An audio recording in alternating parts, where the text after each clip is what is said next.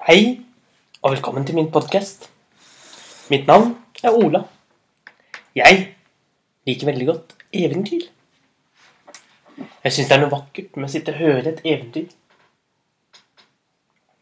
I skumringen om kvelden. Eller kanskje et morsomt eventyr tidlig på dagen. Eller et litt skummelt eventyr når det begynner å bli natt. Men Men jeg syns det også er veldig fint å kunne fortelle. Fortelle eventyr fra meg til deg. For det er slik eventyr har blitt fortalt gjennom hundrevis, ja tusenvis av år. Det er nesten som en gave. En gave fra én person til en annen. Og i dag I dag skal jeg dele med dere et vakkert eventyr ifra Kina. Det handler om mestertyven, den late drage. En gang, for lenge siden, i Kina, der bodde det en tyv. Han var tyven over alle tyver. Han var den smarteste av alle tyvene. Men han var også den snilleste. Han stjal aldri penger til seg selv. Han stjal for, fordi han var smart. Fordi det var gøy. Og alt det han stjal, det stjal han fra de rike. Og så ga han det til de fattige. Han ga det til de som ikke hadde noe hjem. De hjemløse. Han ga det til de fattige som bodde på gaten. Han ga det til alle de som trengte mer. Og i dag skal vi høre en av historiene om late drage. Det var en sen skumring.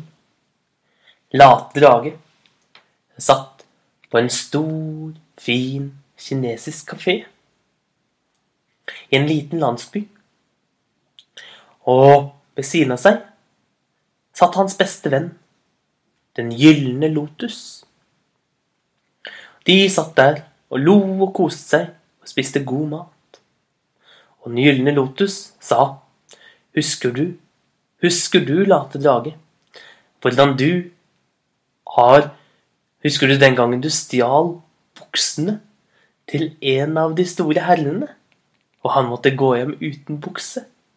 og hvordan hele byen pekte på rumpa hans og lo. For han var det ingen som likte. For han hadde nemlig stjålet penger fra de fattige. Ja, det husker jeg godt, sa late drage. Og så husker jeg også hvordan han etterpå skammet seg for hvordan han hadde oppført seg, og hvordan han delte ut penger til de fattige. Han fikk virkelig en lærepenge. Og de satt der og snakket om de ulike bragdene til late drage. Da, mett, reiste en mann seg.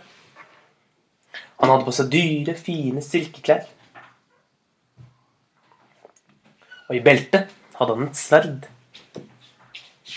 Det var en av de rike og egoistiske herrene i byen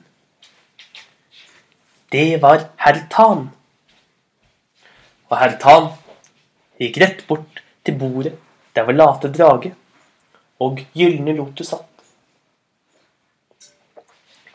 Og han satte seg ned og sa, Jeg vet hvem du er. Du er late drage. Jeg har hørt at du skryter av at du er en så god tyv at du kan stjele hva som helst. Men jeg vet én ting, sa Heltan. Du kan aldri klare å stjele fra meg. Jeg utfordrer deg til å klare å stjele, for jeg har en sånn slik fin Ming-vase som er over 1000 år gammel. Den koster like mye som et hus. Den er jeg sikker på at ikke du klarer å stjele fra meg i morgen natt. Hvis du klarer det, da, da skal jeg spandere mat på alle de fattige i hele byen i et helt år.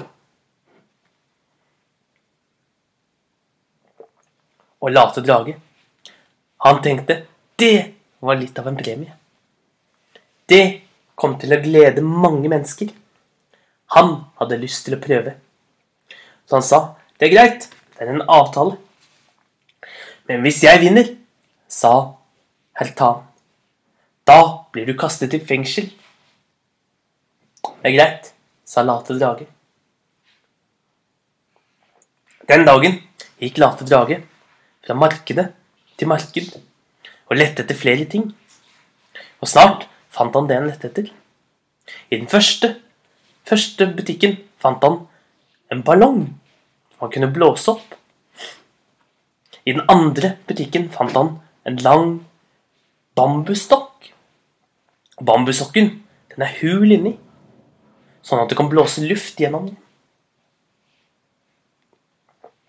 Siden gikk han og fikk tak i en, en tynn snor. Og til slutt fikk han tak i en korkbit som han kunne bruke til å tette tette ulike ting med. Og den natten reiste han av gårde til det store villaen til herr Tan. Det var en kjempestor villa, laget i tre. Og rundt var det en stor mur av både stein med et stort jerngjerde oppå. Og ved porten sto det mange vakter. Og foran døren og foran hvert vindu sto det vakter. Men late dragen hadde en plan. Han klatret opp i toppen av tre. Høyt oppe i toppen av treet. Der var han så høyt oppe at han kunne hoppe over muren. Og han hoppet over muren og rullet når han landet på bakken. Og var nå innenfor murene. Så snek han seg bort til takrennen som hang ned fra taket. Han begynte å klatre oppover takrennen, slik som en apekatt. Snart sto han helt på toppen av taket. Der, der gikk det mange tynne bambusstokker. Men Men det var umulig for han å klatre ned gjennom bambus. Bambushullene som var i taket, de var altfor små. Men hullene var akkurat store nok til at det var plass til en vase. Han balanserte fra en bambus til neste, bortover. De gikk som et spindelvev opp på taket av bambusstokker. Men Men snart, snart kom late drage dit han ønsket, nemlig midt over rommet, der herr Tan bodde. Og han tittet ned, ganske riktig, på et bord. Der satt herr Tan, og han holdt armene sine godt rundt Ming-vasen. Og ved dørene, der sto det mange vakter. Så det var helt umulig å komme seg inn i rommet uten å bli oppdaget. Og late drage satte seg ned og ventet og ventet. Ganske riktig. Etter hvert som tiden gikk, så ble også herr Tan trøttere og trøttere og trøttere. Til slutt så begynte han å synke ned mot bordet, og han sovnet. Da tok late drage fram de fire tingene han hadde med seg. Først tok han ballongen festet på enden av bambusstokken. Så knøt han den godt fast med tråden.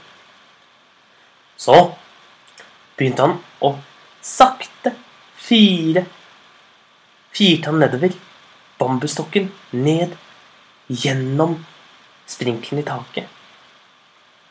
Ned gjennom gitteret. Helt til til han kunne putte bambusstokken oppi vasen. Så begynte han å blåse på bambusstokken. Ganske forsiktig, men akkurat nok til at ballongen begynte å fylle seg med luft. Ballongen ble større og større inni vasen. Snart kom ballongen inntil kantene på vasen. Og late drage blåste litt til, så han var helt sikker på at vasen satt godt fast. Så tok han kroppen, den korkbiten han hadde med seg, og puttet den i som en propp i toppen av bambusstokken. Sånn at luften ble værende. Og helt, helt forsiktig begynte han å løfte bambusstokken oppover. Helt forsiktig snek han den høyere og høyere, og armene til herr Heltan falt ned og landet på bordet med et bump. Heltan holdt på å våkne. Late drage holdt pusten, så ned. Men snart hørte han lyden av at Heltan igjen hadde sovnet, for han snorket og late drage kunne helt forsiktig fortsette å løfte bambusstokken med vasen høyere og høyere og høyere, helt til han fikk den igjennom hullet i taket. Så tok han vasen og bandt den fast på ryggen og klatret ned fra taket slik han hadde kommet opp. Og så kom han seg ut av hagen Neste morgen så våknet herr Tan. Da oppdaget han at vasen var borte. Han ble rasende. Han ropte og skrek. Og akkurat som han sto der og rev seg i håret og skrek og ropte, da banket det på porten. Og utenfor, der sto late drage. Og i hendene hadde han med seg Ming-vasen. Der kan du se, sa late drage. Nå har jeg stjålet vasen fra deg. Slik avtalen var, skal du nå mate alle de fattige i hele byen i et helt år. Og herr Tam hadde ikke annet valg enn å spandere mat for alle i hele byen, alle de fattige i byen, i et helt år. Og slik, slik gikk det med mestertyven den late drage. Ha en riktig god dag, så ses vi igjen en annen dag.